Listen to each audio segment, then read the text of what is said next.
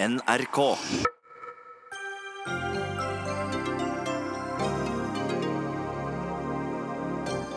Tor Mikkel Waras samboer pågrepet og siktet i kjølvannet av truslene som ble fremsatt mot familiens hjem. Wara selv er i permisjon på ubestemt tid, og samferdselsminister Jon Georg Dale blir settestatsråd i Justisdepartementet. Elever landet rundt krever godkjent fravær for å skulke skolen for klimastreik. Flott at ungdom engasjerer seg, men du løser ikke klimaproblemer ved å streike, sier kunnskapsminister Jan Tore Sanner. Brexit-krisen og kaoset fortsetter i Storbritannia.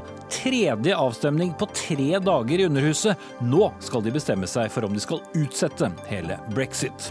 Og så blir det forsvarsdebatt. Arbeiderpartiet mener Høyre ikke lenger kan kalle seg for et forsvarsparti, etter at de ikke lenger møter Natos mål om å bruke 2% av BNP på forsvar.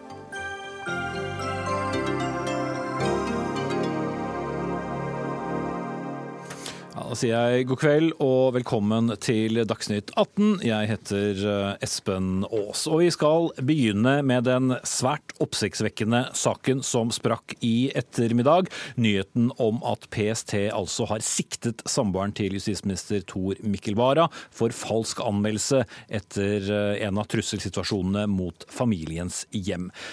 Politiet har mistanke om at hun selv tente på familiens bil i helgen. I løpet av de siste par timene har vi ringt en rekke politikere, både i og utenfor regjering. De har så godt som alle takket nei. Jeg skal ikke dra hele listen på navn, men vi skal skru klokka én time tilbake og høre hva statsminister Erna Solberg sa på en pressekonferanse hun holdt sammen med Fremskrittspartileder og finansminister Siv Jensen. Opplysninger om dette eh, var et sjokk på, har vært et sjokk på meg har vært et sjokk for jeg tror, hele regjeringen. Jeg ble informert om dette kort tid før PST sin pressekonferanse, etter at de hadde fått rettens medhold i, til pågripelse og ransakelse av boligen til Tor Mikkel Wara og hans samboer. Ja, eh, en, eh, en, svært, svært spesiell sak. Vi skal eh, gå på det politimessige helt først. Øystein Millie, du er krimin, krimkommentator i VG og med oss på linje. Hvis vi skal på et eller annet vis forsøke bare å oppsummere hva slags sak dette er. Ja, nei, det er jo en oppsiktsvekkende, sjokkerende sak. Det at PST i dag har gått til retten og fått medhold i å ransake justisministerens bolig, pågripe hans uh, samboer og sikte henne etter straffelovens 225, som altså da regulerer uh, og sier noe om at man da mener at det er mistanke om at hun har begått en straffbar handling. Uh, altså Hun har gjort noe for å vekke mistanke om at det er begått en straffbar handling uten at den er begått. så så er det jo det er en situasjon vi aldri har stått overfor, og som er svært spesiell. Det er altså samboeren til landets justisminister, politiets øverste politiske ledelse. Det er vel grunn til å tro at eh, PST kanskje tok noen eh, møter og overveininger internt før de valgte å gå ut med dette? Ja, det antar jeg. Og jeg antar at den siktelsen som de nå har offentliggjort, uh, hviler på tunge bevis. Det er jo ikke hver gang politiet går innom retten for å få en Eh, rettslig kjennelse for å foreta en ransaking eller en pågripelse. Det er, eh, gjøres ofte i saker hvor man vet at det kan bli stilt store spørsmål ved det man gjør, og man sikrer seg på et vis ved å la en dommer da gjøre en uavhengig vurdering av de bevisene politiet, eller PST i denne sammenheng, sitter på. Og det er klart at um, uh, dette, er en, uh, dette, er en, siktelse som uh, nærmest må vise seg å kunne hviler på tunge bevis. Hvis ikke så, så, har PST et stort problem, og jeg tror at de har tenkt seg mange ganger, sånn som du antyder. Ja, så sagt på en annen måte, De må være nær 100 sikre uh, på uh, de bevisene de har, før de altså velger å gå til dette skrittet? Det er min vurdering at PST må være veldig sikre når man gjør noe som man har gjort i dag, som er så uvanlig og så dramatisk, og får de følgene det da har fått. Eh, det har jo eh, ført til at justisministeren i landet har eh, tatt en permisjon, så, så, sier jo det alt om hvilke politiske komplikasjoner det har. Og så er selvfølgelig politiet uavhengig av, av politikken. Men, men likevel så henger det jo sammen fordi det får konsekvenser. Og det er klart at da har man gjort de vurderingene, og man har tenkt seg om både én og to og tre ganger. Og jeg er helt sikker på at det har vært mange på i politiet inne i de vurderingene som da førte til at man gikk til Oslo tingrett og ba om å få en vurdering derfra, og fikk den i retur om at det var grunnlag for å sikte da Eh, samboeren. Eh, så det er klart her har det, vært et, eh, her har det vært mange og tunge og vanskelige vurderinger. Men samtidig så må politiet gjøre det som man mener er riktig, og det man har grunnlag for. Og da vil jeg anta at det ikke var noen vei utenom. Man måtte da gå til det veldig uvanlige skrittet og ransake justisministerens bolig og pågripe hans samboer.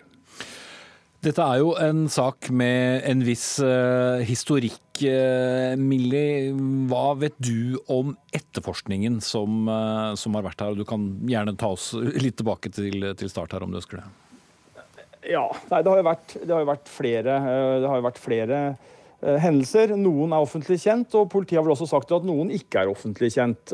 Det starta jo da etter dette teaterstykket som mange husker, hvor man filma eller viste film fra justisministerens hjem, og det ble en debatt rundt det. Og så kom det da uh, ulike um, hendelser som politiet etterforska. Um, så er det mitt inntrykk at politiet har stilt store spørsmål med hvorfor man ikke uh, altså Etter hvert som disse hendelsene fant sted, så har jo naturlig nok overvåkingen og etterforskningen og sikringen av justisministeren tiltatt i styrke. Og da man ikke har klart å finne uvedkommende gjennom verken elektroniske spor og andre overvåkingsmetoder, vitner osv. i nærheten av huset, så har man jo begynt å spørre seg hvorfor gjør vi ikke det? Uh, og så har man da etter hvert, uh, uten at jeg kjenner de detaljene, helt sikkert funnet andre indiser, andre bevis, og så har man da lagt uh, som en vanlig politietterforskning, brikke for brikke, stein for stein, og da kommet frem til et bilde hvor man mener at man har sterke nok bevis til å pågripe og sikte da eh, samboeren til Tor Mikkel Wara. Mm. En samboer da som for ordens skyld også selv har valgt å gå ut eh, offentlig via sosiale medier med, med ganske sterke meninger om denne saken. Ja, det er jo en del av bildet her. Eh, hun har jo eh, senest om det var i går eller dagen før på sosiale medier uttalt seg om sikkerhets ja, tre dager siden til sikkerhetstiltakene. Eh, og Det var spesielt å se at hun gjorde det, og at Vara ikke ønsket å kommentere dem. Eh, så så man at det var en, eh, det var en divergens der. Så skal vi legge til at vi vet ikke hvordan hun stiller seg til siktelsen. I hvert fall ikke har jeg noen informasjon om det her jeg er nå. Og det er jo en etterforskning som ligger foran oss her også. Vi skal ikke felle noen dom på noe vis. fordi at hun skal selvfølgelig som alle andre få en rettferdig rettergang, og hun skal få en forsvarer, og hun skal eh, få komme med sine eh, forklaringer. Og så må man jo etter hvert, eh, når denne saken er fullt ut belyst, trekke konklusjonene. Mhm. Da sier vi takk til deg, Øystein Millie, krimkommentator i, i, VG. Og så skal vi snakke med våre kommentatorer her i, i studio. Begynn med deg, Harald Stanghelle, mangeårig redaktør og kommentator i, i, Aftenposten. Hvordan reagerte du da denne nyheten sprakk for to timer siden? Ja, Når denne type nyheter kommer, så er det klart at vi ser noe som har lagt i mørket, som kommer fram i eh, lyset. Og det er helt uro å ikke vært eh, sjokkert eller vært berørt av eh, en nyhet som dette. Og uansett hvordan dette ender til slutt, og det er ingen som er dømt her, det bevisene kjenner vi ikke, så er dette en personlig tragedie. Mm. Magnus Takvam, du var selv på pressekonferansen med statsministeren og Frp-lederen. Ehm, hvor, hvor, alvorlig er den? Det er jo en høyst spesiell sak. Det er klart, Som eh, Stangel er inne på, så er det jo eh, en eh, personlig dimensjon, en tragisk situasjon som alle skjønner. Så er det slik at i noen sammenhenger må personlige hensyn også vike. og det er klart man Eh, dette, dette får jo eh, politiske konsekvenser når en justisminister må, må, ta permisjon og bli erstattet av en vikar. Eh, hensynet til nasjonens sikkerhet, beredskap osv. er så eh, viktig at det er klart at det er en helt ekstraordinær situasjon. Og det er nok veldig mange som, som i dag regner med at Vara nok etter hvert må trekke seg som justisminister. Det er selvfølgelig bare en, en vurdering i øyeblikket, og at grunnen til at man eh, har valgt å la ham få permisjon, er rett og slett tidsaspektet at, og den sjokkartete opplysningen at det ikke har vært tid til å ta alle de vurderingene med en gang. Mm. Og så er det jo bare dager siden Erna Solberg selv gikk ut og kommenterte denne saken.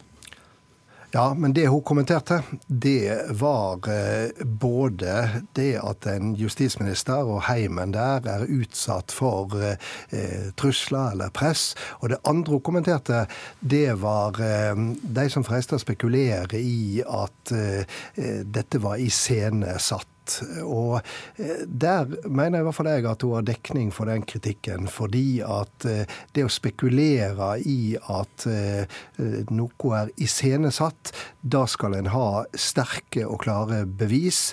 Og det er nok det PST har kommet med i dag. Husk også på at PST har vært under et ganske sterkt press, fordi det har vært et mysterium for mange av oss at en bolig som har vært under en viss form for overvåking over så lang tid, helt siden 5.12. Eh, det skjer fem, seks, sju hendinger, og likevel så greier en ikke finne et eneste spor. Det har vært det store mysteriet i den saka, og nå har vi altså fått eh, forklaringer som PST mener de kan eh, stå ved. Mm. Som ennå gjenstår selvfølgelig en, en, en, mye etterforskning rundt. Men tilbake til det politiske her, Magnus Takam det satte jo i gang en debatt om eh, hvordan vi verner om våre politikere, om ytringsfrihet. Eh, mange profilerte politikere gikk også ut og tok eh, avstand fra det hele som har skjedd. Og det, det blir jo et eller annet slags sånn pussig vakuum i hele politiske, det politiske ordskiftet når dette skjer.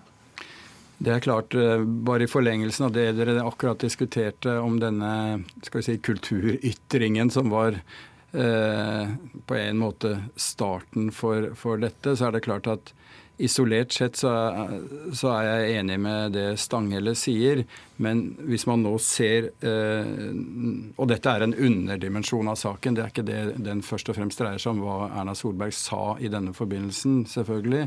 Men det er klart at hun gikk eh, relativt hardt ut mot eh, teatret da de kom med denne spekulasjonen de hadde. Så en del vil nok mene at hun kunne nøyd seg med å skal vi si, avvise antydninger om eh, den typen iscenesettelse som, som man snakket om, og ikke føye til liksom at eh, teatret ved det de har gjort, har satt politikere under et, et, press og liksom politiserte kritikken litt. Så jeg tror nok det vil bli en debatt. Og Jon Wessel Aas, som representerer teatret, har da også gått ut, eh, naturligvis, og, og, pekt på det i dag. Mm.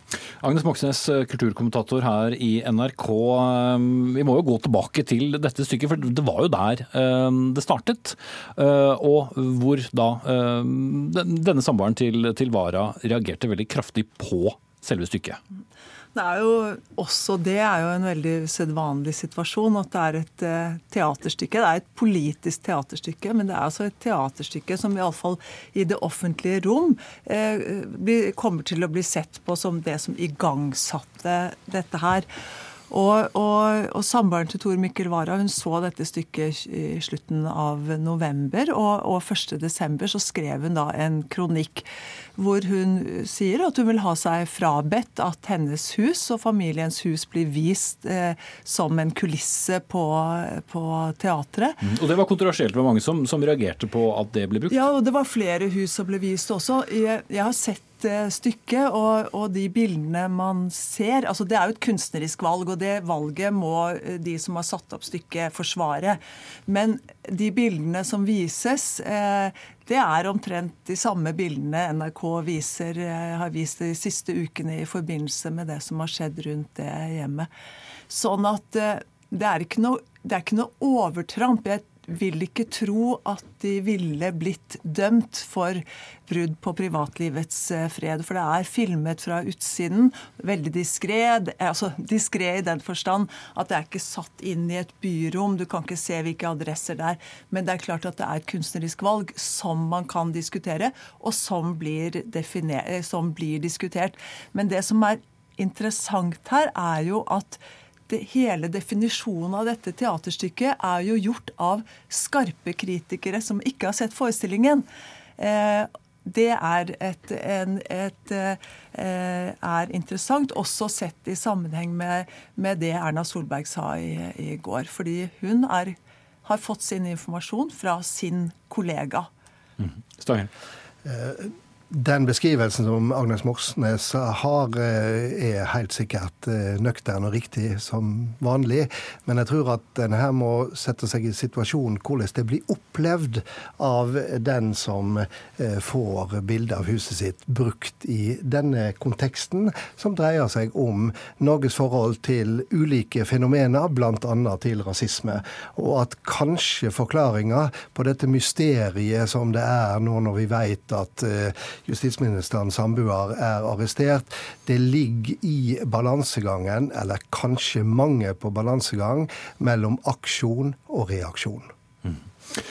Hvis vi ser det i et eh, litt større og historisk eh, perspektiv, altså hvor ofte har vi sett at en ektefelle kommer i såpass negativt søkelys, eh, eller samboer som i dette tilfellet, eh, at det påvirker en, en statsråd?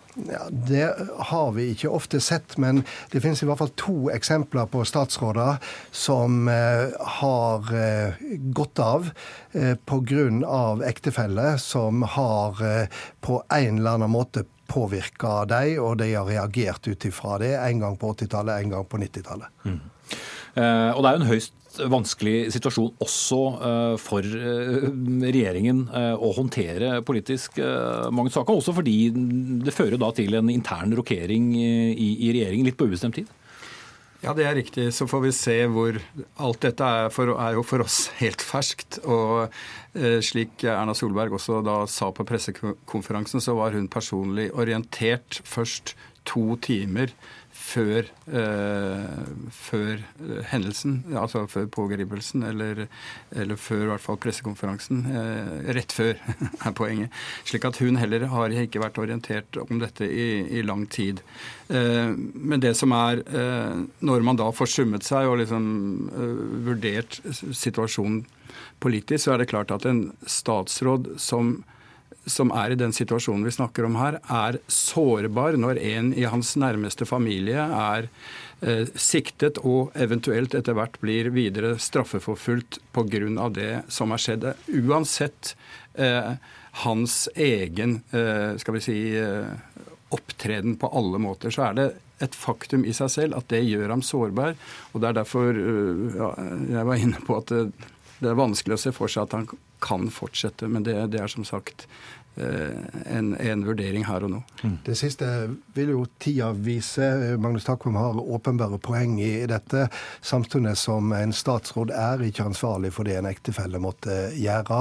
Eh, opplysninger som Erna Solberg kom med på pressekonferanse i dag, at hun kun visste dette eh, en time eller to før eh, pressekonferansen, det syns jeg er et tegn på et sunt system. For det skal være vanntette skott mellom etterforskning av straffbare handlinger og det politiske Norge. Det skal aldri hefte en mistanke om at noen får for streng eller for, for, for mild behandling av politiet pga.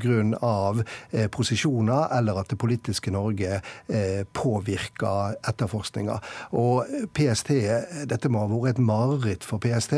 Eh, tenk bare den situasjonen at det er politiets øverste sjef, eh, den PST-sjefen rapporterer direkte til, faktisk, i, eh, i regulerte samtaler, eh, som etterforsker samboeren til den samme justisminister, det er et mareritt for ethvert politiorgan. Det at statsmaktene insisterer på å være så uavhengige at de ikke blander inn statsministerens kontor, det syns jeg er, en, ja, det er det eneste positive som jeg har hørt i dag. Mm. Et veldig viktig poeng. Og et annet veldig viktig poeng er jo selvfølgelig at dette er jo ingen politisk sak, i den forstand at den selvfølgelig involverer politikere, men saken som sådan er jo en, en, en, en straffesak, hvis det er det den ender som. Den er jo en politisk sak i den forstand at den får politiske konsekvenser, selvfølgelig.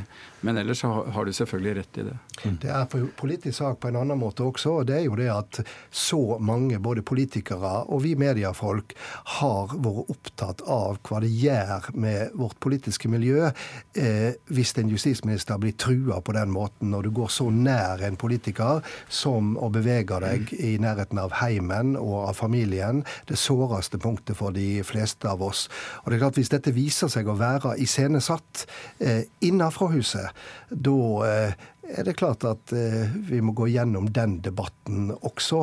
Eh, blant annet så har det vært retta skarp kritikk mot politiet. Eh, enkelte politikere har gått enda lenger og sagt at eh, politiet ikke er nok og protestene og, og, og, og, oppbraktheten over dette er så lav fordi dette er Frp. Det ville vært sterkere hvis det var en statsråd for et annet parti. Så det er klart mange av oss må tenke gjennom måten vi har uttrykt oss på, hvis dette viser seg å være iscenesatt fra A til Å. Men husk, det er bare den siste bilbrannen siktelsen gjelder. Det gjelder ikke eh, eh det som ble skrevet på husveggen, f.eks. Vi veit rett og slett ikke noe om det. Mm. Ehm, et annet prinsipielt poeng er vel også nettopp det at Vara er eh, justisminister. Og så lenge det vil hefte eh, en usikkerhet ved hans samboers status, så kan han heller ikke tre tilbake i den rollen? Nei, det, det, den vurderingen høres rimelig ut. Og en annen side av dette er jo, eh, apropos det du snakker om at dette ikke i utgangspunktet er en politisk sak, er jo at det har vært veldig tilbakeholdne politiske reaksjoner, i hvert fall så langt jeg har fått med meg eh, i ettermiddag og kveld. Eh, eh, Bjørnar Moxnes var ute og sa at han mener Solberg bør vurdere hans, eh, hans eh, stilling som justisminister. Det er jo ikke en veldig oppsiktsvekkende uttalelse. Jeg tror de større partiene er tilbakeholdne før man vet mer om saken, og i hvert fall ikke vil bli eh, mistenkt eller kritisert for å skal vi si, prøve å skåre politiske poenger på, på, denne saken. Men Kan man egentlig skåre noen som helst politiske poeng på denne saken som den står nå? Nei, det tror jeg ikke. Eh, dette er av den type sak eh, der eh, det er bare tapere. Og det å prøve å skåre politiske poeng tror jeg vil slå tilbake på de som gjør det. Den som har uttalt seg skarpest i dag, er jo Carl I. Hagen, som åpent og ærlig sier at han håper PST tar feil, og at han er i sjokk. Han er jo også den som har vært sterkest i kritikk av politiet for ikke å tatt eh, samboerens bekymringer på eh, alvor. Og dermed så har jo han sin egen sak å forsvare. Mm. Høyst eh, ekstraordinær eh, sak. Vi i NRK følger naturlig nok den videre utover kvelden. Takk skal dere tre ha. Harald Stanghelle, mangeårig redaktør og kommentator i Aftenposten, vår egen politiske kommentator Magnus Akvam og vår kulturkommentator Agnes Moxnes.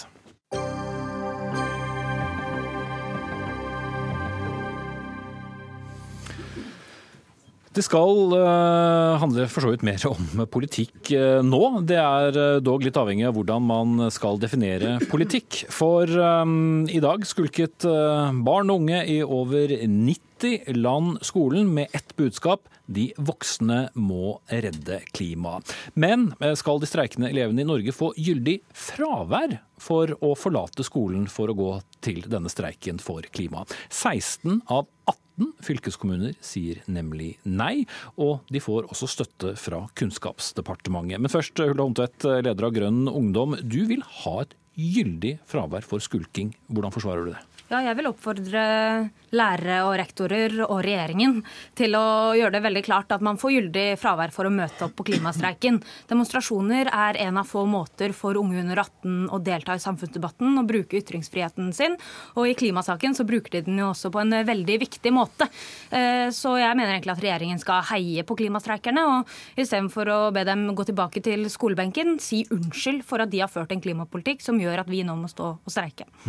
Men eh, bare for spesifisert, Er det fordi at det er klimasaken, eller ville du sagt det samme hvis det var en militær intervensjon i et, et, et land, og mange ville følt det veldig sterkt? Det ville du også sagt at da er det også riktig å forlate skolepulten og gå til en politisk demonstrasjon? Jeg mener dette, dette enkelttilfellet gjelder klimasaken, og jeg mener at man skal få gyldig fravær fordi dette gjelder klimasaken og en barneinitiert demonstrasjon som nå sprer seg verden over. Og så syns jeg det er litt synd hvis debatten om klimastreikene som pågår nå, blir en debatt om finjussen i fraværsreglementet. For det dette handler om, er vår tids største generasjonssvik.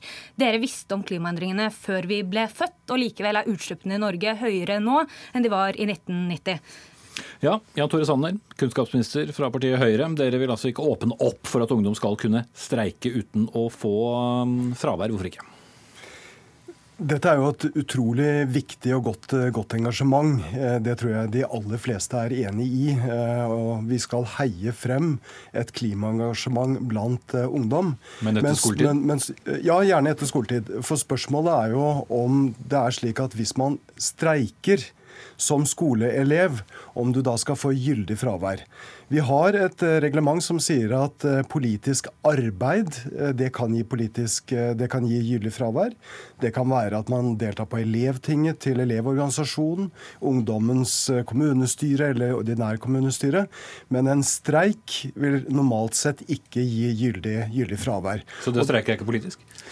Hvis du, hvis du, streiker, eh, så er ikke det et eh, politisk eh, arbeid. Og det har ikke blitt gitt gyldig fravær for det heller tidligere. Og vi kan ikke si at fordi at vi er enig i klimaengasjementet, så skal du få gyldig fravær for det. Men hvis du streiker mot seksuell trakassering, så skal du ikke få. Eller hvis du streiker mot bompenger, så skal du ikke få. Så derfor sier vi heller at Bruk nå dette engasjementet i skolen, i samfunnsfagteamet, for å diskutere hvordan kan man påvirke lokalt, nasjonalt og internasjonalt. I naturfagtimen hvordan kan vi få klimagassutslippene ned. Eh, jeg har sammen med tre andre statsråder også sagt at vi ønsker å invitere til klimapolitiske toppmøter i flere byer. Nettopp fordi at vi ønsker å lytte til ungdommens engasjement. Så de gir litt etter for press, da? eller? Nei, tvert imot. Eh, fordi at det er ingen regjering som har ført en mer offensiv klimapolitikk enn det vi gjør. Eh, ikke minst så ser vi store reduksjoner innenfor transportsektoren. Og vi skal ha enda tøffere mål i tiden som, som kommer. Hoppet i stolen ved siden av deg men, men, men, vi ønsker å, å lytte til det engasjementet engasjement som er, de forslagene de har. Eh, og så går det an å ha en demonstrasjon også etter klokken tre. Du må ikke demonstrere mellom ni og tre. Du kan også ha det etter skoletid. Mm. I dag kom nyheten om at regjeringen åpner for masse ny oljeleting, og det er veldig spesielt å gjøre i 2019. Jeg syns ikke det kvalifiserer til å være verdens mest klimavennlige regjering. Bare så det er sagt. Og så synes jeg det... Vi tar ikke den debatten. Ja, nei, vi tar ikke den nå, enig. Men jeg syns det er eh, spesielt at det er først nå etter klimastreiken at dere inviterer til toppmøte med klimastreikere. Ungdom har ropt varsko om klima i veldig mange år. Natur og Ungdom, Grønn Ungdom har sittet i møte med dere i årevis, og dere har ikke hørt på våre politiske krav.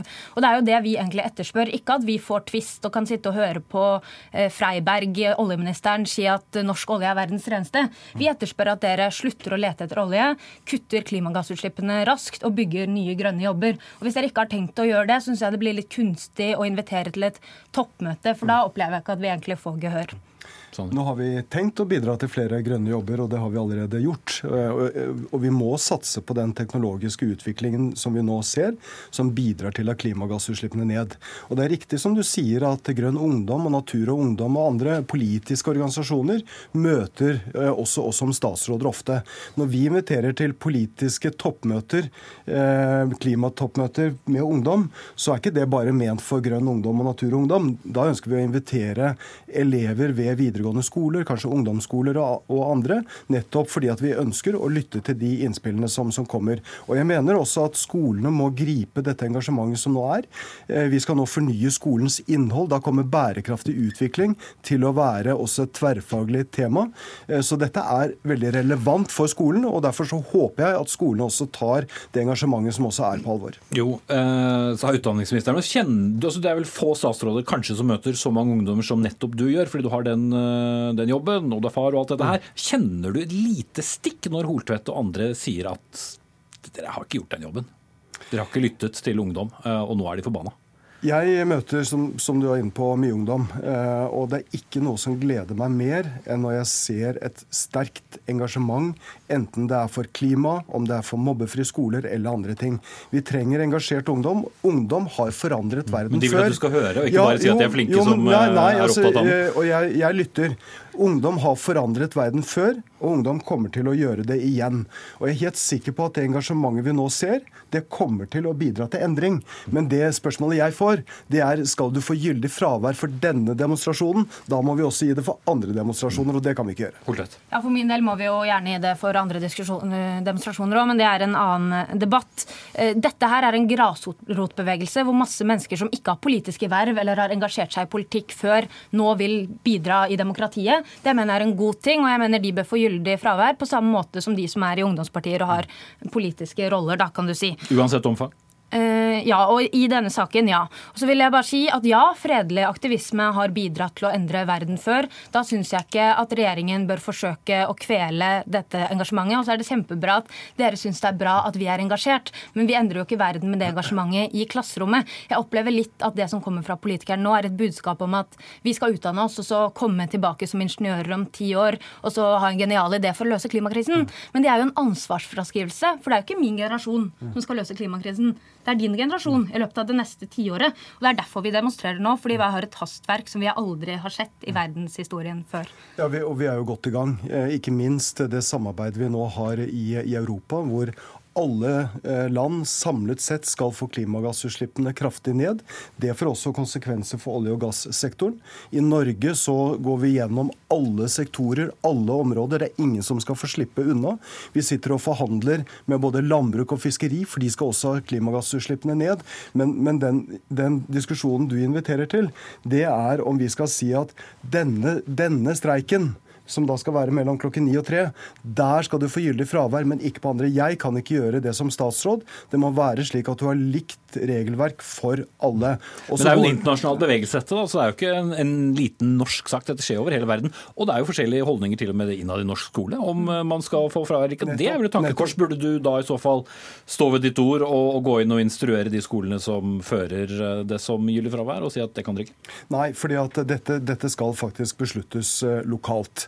I hvert enkelt, hvert enkelt, tilfelle. Og det at det nå er en Så de må ikke høre på deg? Og det at Det bør de jo gjøre. Men, men det at Eh, det at du har et internasjonalt engasjement, det gjør at jeg også tror at dette kommer til å føre til, til, endring. Det er et press både på politikere, på oss på vanlige folk, at vi må legge om våre, eh, våre daglige vaner på, på næringslivet. Eh, men det går an å demonstrere også etter klokken tre. Da treffer du også politikere. Og da er det kanskje flere å se òg? Ja, denne demonstrasjonen kommer til å føre til endring, men sånn det er nå, så ser det ikke ut som det er den norske regjeringen som kommer til å stå for den endringen. I Oslo så har byrådet kuttet utslippene med 9% mellom 2016 og 2017. Dere kuttet utslippene med 1,5% i samme periode. Så her er det åpenbart at det er mulig å redde klimaet, og dere har feil politikk. Ja, men nå er vi inne i den diskusjonen. Jeg skal snart avslutte denne debatten som sådan, men, men tilbake eh, til det vi egentlig snakker om, altså å demonstrere før eller eh, etter. Hvorfor får det ikke like stor eh, effekt ved å stå utenfor Stortinget etter klokka tre, eller hvor som helst i, i, i store byene folk faktisk går fra, fra jobben? Gir det så mye større effekt å gjøre det skoletiden? Ja, det gjør det jo helt åpenbart. Det er mye mindre sensasjonelt å stå og demonstrere etter skolen. Det har vi gjort i årevis. Og det er nå dette er en stor internasjonal bevegelse med oppslag over hele verden. Så jeg mener sånn, Sett i sammenheng med hvor dramatiske klimaendringene kommer til å bli hvis vi ikke stopper dem, så er det ganske udramatisk med noen dagers fri fra skolen for å demonstrere. Faktisk vil jeg si at det er en veldig god investering i framtiden. Mm. Så du sier, selv om de får dette som fravær, gå ut og demonstrere, ja, uansett konsekvensen? Ok. Ja. Dere kan fortsette andre diskusjonen på utsiden. Takk til Jan Tore Sanner, kunnskapsminister, og Hulda Holtvedt, leder av Grønn ungdom.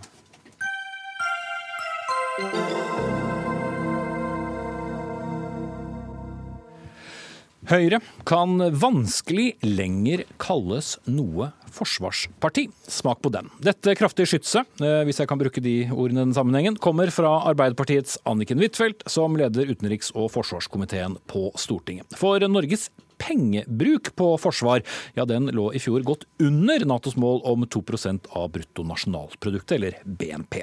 Norge er ellers i godt selskap der, for bare sju av 29 allierte land i Nato lå over dette målet på 2% Men Norge har dermed falt fra åttende til tolvteplass på rangeringen over bidrag. Men Anniken Huitfeldt, det er jo ikke det samme som at Norge ikke bruker veldig store summer på forsvar? Vi har brukt mer de siste årene, og den viktigste årsaken til det er at vi kjøper nye kampfly. Og det har alle partiene på Stortinget stemt for.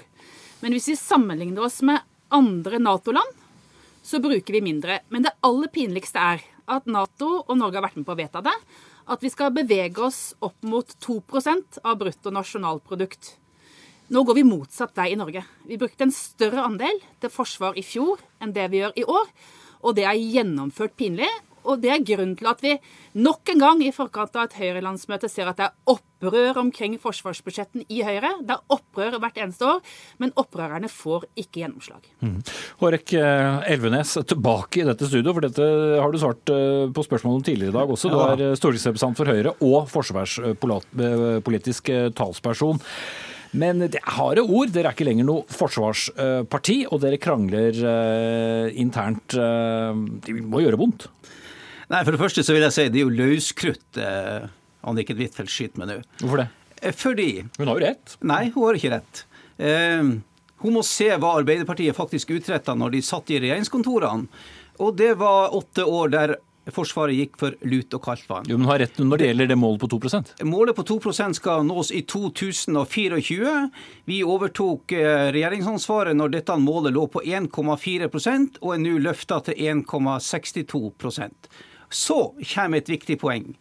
Det at i statsbudsjettet for 2019 så foreslo Arbeiderpartiet å øke eh, forsvarsbudsjettet med 368 millioner. Hadde det vært det reelle forsvarsbudsjettet, så hadde altså eh, andelen av bruttonasjonalprodukt, eh, bruttonasjonalprodukt økt til 1,63. Altså, Arbeiderpartiet må liksom ikke fremstå som den store forsvareren for 2 %-målet i 2019, når man legger lit, så lite i potten. Det blir en avgrunn mellom ord og handling. Og når man i tillegg liksom har historikken mot seg, når man hadde regjeringsansvaret, for da var forsvarsbudsjettet taper. Denne regjeringa Så du er fornøyd med at vi er der vi er med ja, andelen? Ja, PT så er jeg meget stolt av det som Høyre har levert mm. i regjering. Ikke alle i Høyre er det, da? Jo, det er en generell stolthet over det vi har levert. Budsjettet har økt med 30% reelt, 16 milliarder. Mens budsjettet under de rød-grønne lå flatt. Nå skal vi slippe til uh, Huitfeldt igjen, uh, Elvenes. Ja. ja. altså Den viktigste årsaken til økninga er kampflyene. Det er ikke sånn, Jeg kjenner ingen i Forsvaret som kjenner seg igjen i den beskrivelsen som Elvenes nå kom med. Fordi at det er et langt større krav til Forsvaret vi har etter vedtaket om å bruke 2% i 2014. Og Da er det viktig at vi sammenligner oss med andre Nato-land. Og da gjør vi det dårligere, Elvenes, ved Høyre ved roret. Så vi ser at det er grunnlaget for opprøret i Høyre også, er at man vinner ikke fram. Det er et veldig stort gap mellom den virkeligheten som folk i Forsvaret opplever, og det som er den beskrivelsen som Elvenes kommer med. Og det er klart at Vi leverer et forsvarsbudsjett som går i riktig retning hvor det er faktisk en økning i andelen til forsvar. Og Det legges jo merke til i Nato. Det legges også merke til at andelen i Norge faktisk går ned. Og Det klarer du ikke å forklare deg bort fra, for det er en realitet. Tallenes tall er helt klare. Mm. Svar på det konkret, Elvenes. Ja, Den der eh, endringa som eh, de 368 millionene til eh, Arbeiderpartiet representerer, den er, jo, den er jo marginal. Den er jo knapt synbar. Jo, men svar på det hun sa. Hva sa hun? ja, skal du gjenta spørsmålet, Huitfeldt? Det er jo veldig flaut at andelen til forsvar under Høyre gikk ned fra i fjor til i år. Ja, men Wittfeldt... Det er umulig å forklare dette i Nato. Du kommer på møter, alle viser grafene, her går det framover. Alle land som har grense mot Russland, viser at de er på 2% Men skal vi stå her i Norge og si at nei, i Norge så er vi så rike, så vi klarer det ikke. Det er bare gjennomført pinlig. Og det er også grunnen til at Norge som et av få Nato-land fikk brev fra amerikanerne. De er skuffa over at vi ikke klarer å levere mer på hjemmebane. Altså Hvis man skal bruke ordet pinlig, så er det jo pinlig at representanten Huitfeldt egentlig ikke skjønner hva en graf er. For kurven peker mot 2% i 2024. Vi overtok på 1,4% vi er nå på 1,62 Eh, hva det blir i 2019, den fasiten har man ikke før omtrent ett år etterpå. Vi er på stigende kurs. nettopp... Men har falt på rangeringen til Nato. Er du komfortabel med det? Vi er på 11.-plass. Vi bruker ti ganger så mer, mer, på Forsvaret enn de baltiske landene. Og vi bruker dobbelt så mye som eh, Danmark. Og vi er det Nato-landet som bruker nest mest i forhold til våre innbyggere. Og hvis, ja, en, og hvis, du har en sånn stolt forsvarshistorie å vise til, Huitfeldt, hvorfor lå fregattene ved kai, uten besetning, uten deler. Hvorfor klarte dere ikke kjøpe nytt artilleri og nytt kampluftvern til Hæren? Hvorfor skjøt soldatene i Brigade Nord kun 100 skudd når de var inne på førstegangstjenesten? Og hvorfor klarte dere ikke å starte fornyelsen av hovedkampsystemene i Forsvaret? Dette er unnlatelsessynden. Og så kommer du med noen opposisjonspenger som gjør deg høy og mørk, og tror at du liksom står på kroningsplass i Nato. Så enkel er ikke forsvarspolitikk. Vel, jeg kan betrygge representant Elvenes med at jeg verken er høy og mørk, og at jeg forstår meg på grafer. For tallenes er jo helt klare her, Elvenes. Sammenligna med andre Nato-land så rykker vi nedover i klassen med Erna Solberg som statsminister. Og jeg kan jo gå igjennom våpensystem for våpensystem, men når det gjelder kampluftvern til Hæren, så hadde jo Høyre foreslått å sette her, hele Hæren på vent. Og så var det Arbeiderpartiet som, som tvang gjennom. De skal få kampluftvern i Hæren. Så her har du ganske lite å vise til, og jeg mener at det har en stor betydning. Hvorvidt man går opp eller ned. Når man ser på grafene, så er det ganske klart at med Høyre så går det nedover fra i fjor til i år. Har dere arket samme vei? Det er gjennomført pinlig. Altså, Nå har fantasien tatt overhånd hos motdebattanten. Det var altså regjeringa som i statsbudsjettet la fram investeringer i nytt kampluftvern til Hæren. Hæren har ikke hatt kampluftvern på de siste 15 år. Det er kommet gjennom en regjeringsproposisjon, forslag til statsbudsjett. Og hvordan Huitfeldt får dette til å eh, være Arbeiderpartiet sitt barn, det er jo komplett umulig å forstå. Det er jo på eventyrstadiet. Vel, det var jo slik at da vi forhandla fram en langtidsplan for Forsvaret, så lå det ikke inne investeringer til Hæren. Og Da stilte vi noen krav.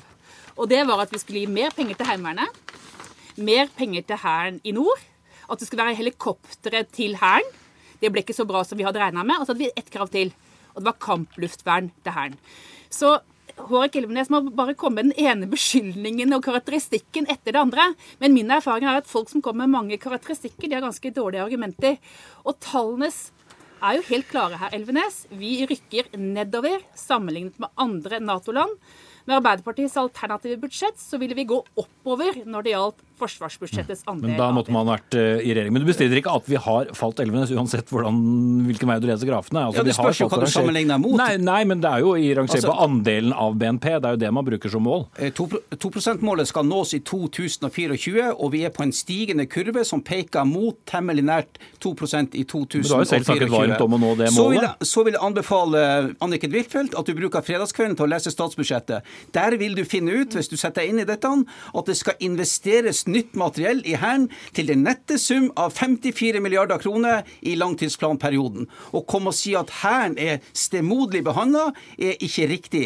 Men i og med at samtlige hovedkampsystem i Forsvaret var i ferd med å gå ut på dato samtidig, så måtte man gjøre en prioritering. Ja. Eh, du skal få veldig kort siste ord, eh, Huitfeldt. Jeg kjenner ingen jeg kjenner ingen i Hæren som er enig i beskrivelsen at det er bra at man skal utsette stridsvogner til tidligst 2025. Så du, du, for, du foreslo å bevilge Nå må du stoppe. Du foreslo... vet, vet, vet, nå, nå, fikk jeg lov til å fullføre ja, men, ja, men, ja, og du skal få fullføre, Huitfeldt. At vi er nødt til å bruke mer penger på forsvar fordi at vi har forpliktelser innenfor Nato. Nå bruker stadig flere Nato-land mer penger, og det har med allianseforpliktelser å gjøre. Dersom vi skal regne med at våre allierte stiller opp for oss, så må vi også stille opp for dem. Og Derfor så må vi bruke mer penger på Og du bevilger pengene opp til en halv stridsvogn i revidert nasjonal Nå må jeg forsvare tidsbruken av uh, her, her i Dagsnytt Hårek Elvenes, stortingsrepresentant og forsvarspolitisk talsperson for Høyre, og Anniken Huitfeldt fra Arbeiderpartiet. Takk skal dere ha. Hør Dagsnytt 18 når du vil.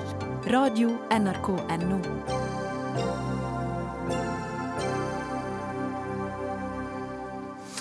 Hvis du tok deg en titt på britiske avisforsider i dag, så var det særlig to ord. Chaos og meltdown. Kaos og nedsmelting som var gjengangere. Og kvinnen som var avbildet, vel, ingen premie for å gjette det. Det var statsminister Theresa May etter to solide runder i Underhuset. Først da hennes egen plan for skilsmisse med EU ble solid nedstemt, og da et knapt flertall i går sa nei til å gå ut av EU uten en avtale. Og de som stemte mot Theresa May, ja det var partifeller, ja til og med ministre i hennes regjering. Og nå klokken 18 begynte en ny runde voteringer om en utsettelse av brexit. Og korrespondent Øyvind Nyborg utenfor Westminster i London.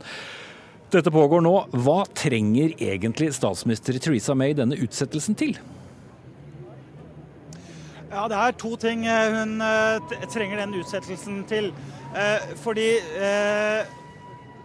hvis politikerne bak meg her stemmer for hennes avtale, mot formodning, så trenger hun tre måneder på seg til å forberede lovverket, slik at Storbritannia kan gå fra å være et EU-land til å bli et eh, eget selvstendig land, eh, så å si. Det er en slags copy-paste-løsning av lovverket som må til, og det tar sin tid. Men hvis politikerne stemmer mot meg nok en gang, så, blir, så, er det uklart hva hun egentlig skal bruke denne utsettelsen til. Og da kan utsettelsen bli lang. Kanskje så lang som to år. Så debatten som skjer her nå, den er nok hakket mer actionfylt til og med enn en norsk forsvarsdebatt. Eh, men det er jo ikke det samme som at de vil få en utsettelse heller, eh, Øyvind Nyborg, selv om eh, de skulle gå inn for det. For til sjuende og sist så er det 27 EU-land som må bestemme. Ja, og det EU har sagt ganske klart og tydelig, er at de vil nå ha en, en beskjed om hva britene egentlig ønsker seg. De må ha en god grunn, rett og slett, for å godkjenne at britene skal få en utsettelse. Som nevnt innledningsvis så levnes jo statsminister Theresa May veldig liten ære i britiske medier etter de siste dagers eh, opptreden ved det lille som hun har igjen av stemme. Men faktum er jo at den avtalen som hun nå har fått nedstemt to ganger, trolig dukker opp igjen en tredje gang allerede til denne uken. Altså Den blir vekket til live enda en gang. Men har hun egentlig tro på at hun skal få den gjennom en tredje gang. For eh, hun må vel omvende 75 parlamentsmedlemmer for å få det til? Ja, det er klart at uh, det er jo det hun har satt sin uh, ære i.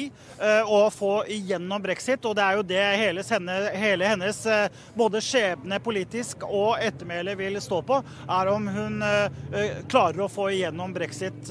så hun Men akkurat mens vi snakker nå, så står man i parlamentet og rett og slett også skal diskutere, eller stemme over, hvorvidt det faktisk er juridisk lovlig å legge fram samme lovforslag tre ganger på rad. Så her er det mange korridorer å gå feil i.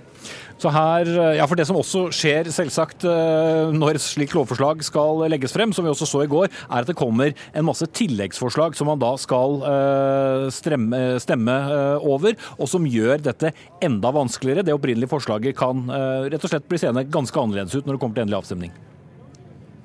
Ja, og Det som man har startet med i dag, det har vært to typer lovforslag som har kommet da fra uh, ulike parlamentsmedlemmer. Det første har vært et forslag om en ny folkeavstemning. Og det eh, gikk på et eh, dundrende nederlag, så det er helt klart at det var feil timing for et slikt forslag nå. De som ønsker seg en ny folkeavstemning, må nok vente litt. Og så er det nå en avstemning om et forslag om å utsette brexit noe og ha eh, forskjellige avstemninger om hvilke alternativer det egentlig er eh, politikerne ønsker seg. F.eks. inkludert eh, en norsk løsning. Mm. For eh, til nå så vet vi jo at det eneste de er uh, samlet på, er at de er imot alle forslag uh, som har kommet. forslaget om en ny folkeavstemning ble altså nedstemt. Jeremy Corbyn lanserte jo for jeg vet ikke hvor mange ganger han har nå gjort det, men også igjen i går at Storbritannia bør bli en del av EUs tollunion, og han nevnte igjen Norway Deal, altså en EØS-linje brexit-lignende avtale. Men er den appetitten der helt ennå, eller må man tømme ut alle forslag som Theresa May har kommet med først? Nei, altså De som ønsker seg en mykere brexit, som f.eks. Arbeiderpartiet gjør, de har nå egentlig vind i seilene og særlig dersom utsettelsen av brexit blir langvarig. Da kan en del av disse forslagene om å knytte seg tettere opp til EU, f.eks. både gjennom et medlemskap i tollunionen og også et tettere forhold til det indre marked, komme opp. Og det er jo det de harde brexit-forkjemperne nå frykter. Selv om deres aller de hardeste brexit-forkjemperne kanskje har som sin aller våteste drøm å gå ut av EU uten noen avtale. Og så skal vi huske på det at det, selv om politikerne her har eh, valgt det bort, så er det fortsatt det som er en såkalt default løsning. Rent juridisk, hvis man ikke kommer opp med en avtale, så er det det som skjer. Tusen takk skal du ha, Øyvind Nyborg, som eh, følger den aldri hvilende dramatikken i Westminster i London. Det blir mer fra deg bl.a. i Dagsrevyen på NRK1.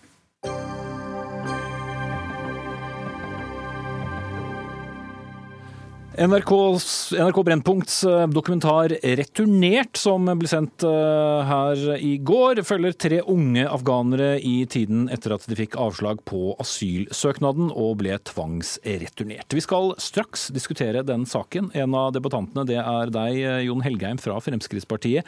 Men siden vi har den nyhetssaken som sprakk som den gjorde før sending, så må jeg spørre deg hvordan har denne pågripelsen av Varas samboer preget partiet ditt i dag?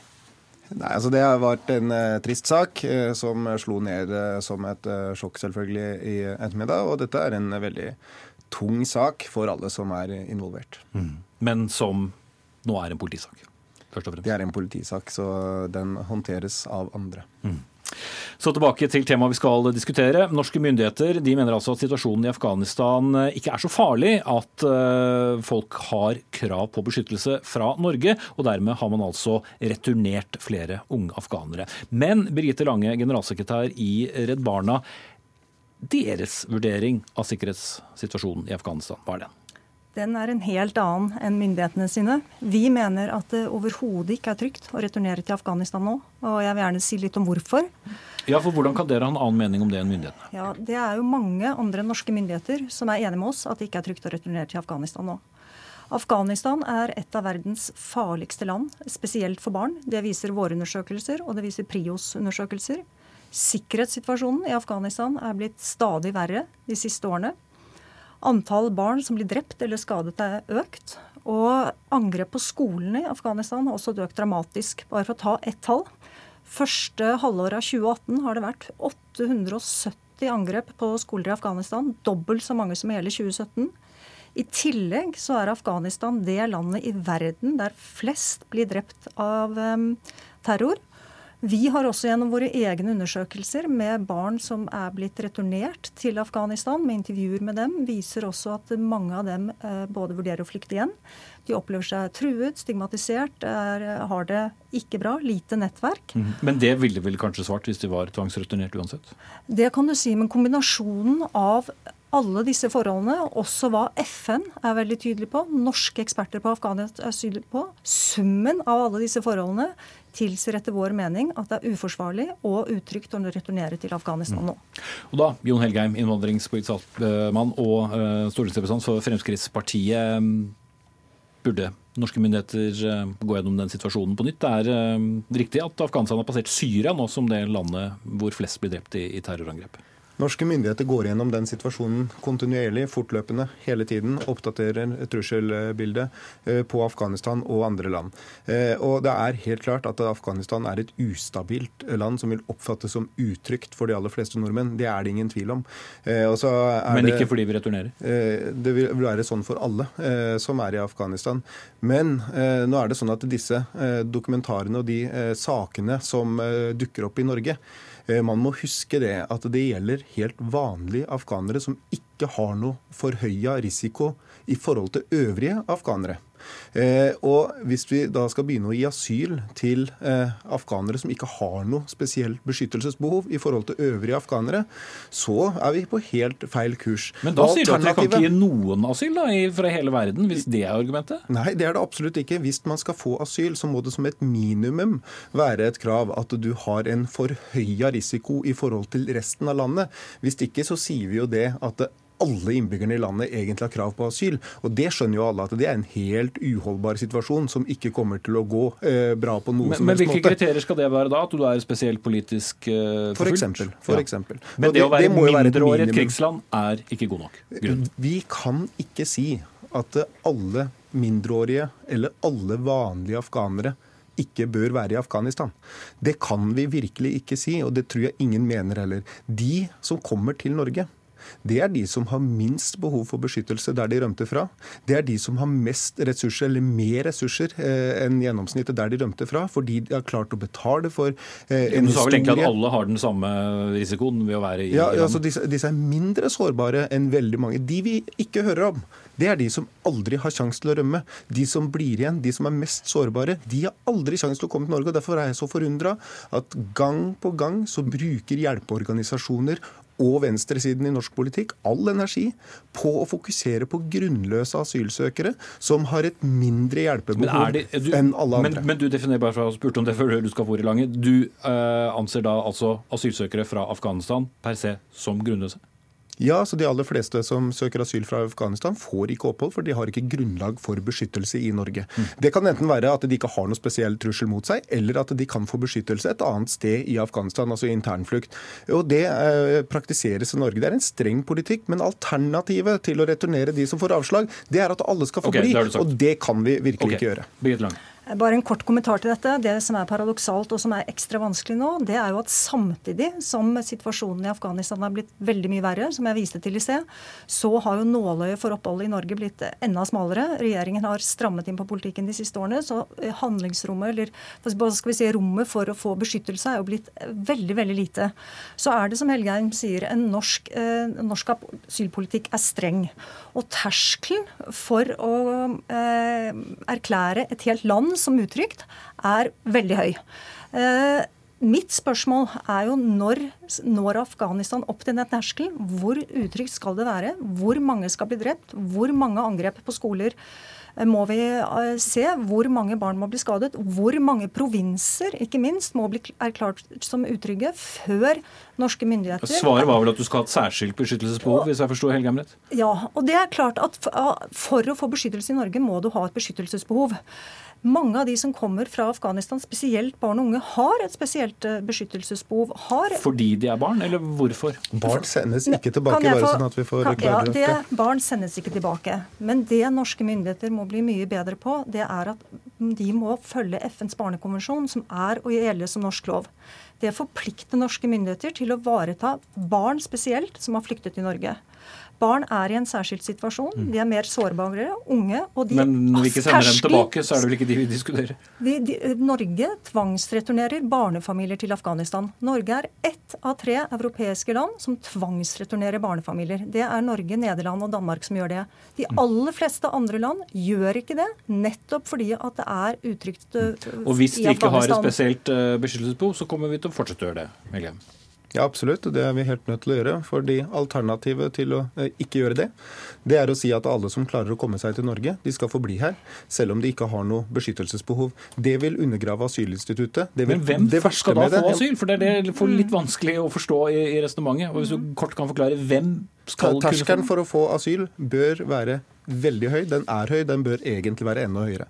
Det bør ikke være sånn at vi baserer ja, men Skal noen slippe gjennom nåløyet? Ja, veldig få. Veldig få bør gjøre det. Fordi hvis man løfter blikket litt, så vil man se at det, å gi asyl løser ingenting. Om vi gir asyl til 1000, Du kan jo 5000, 10 000 eh, i Norge, så har vi ikke eh, gjort noen ting. Det eneste vi har gjort, det er å ta fokuset bort ifra de som virkelig lider i områdene, og bruke opp alle pengene på noen få her.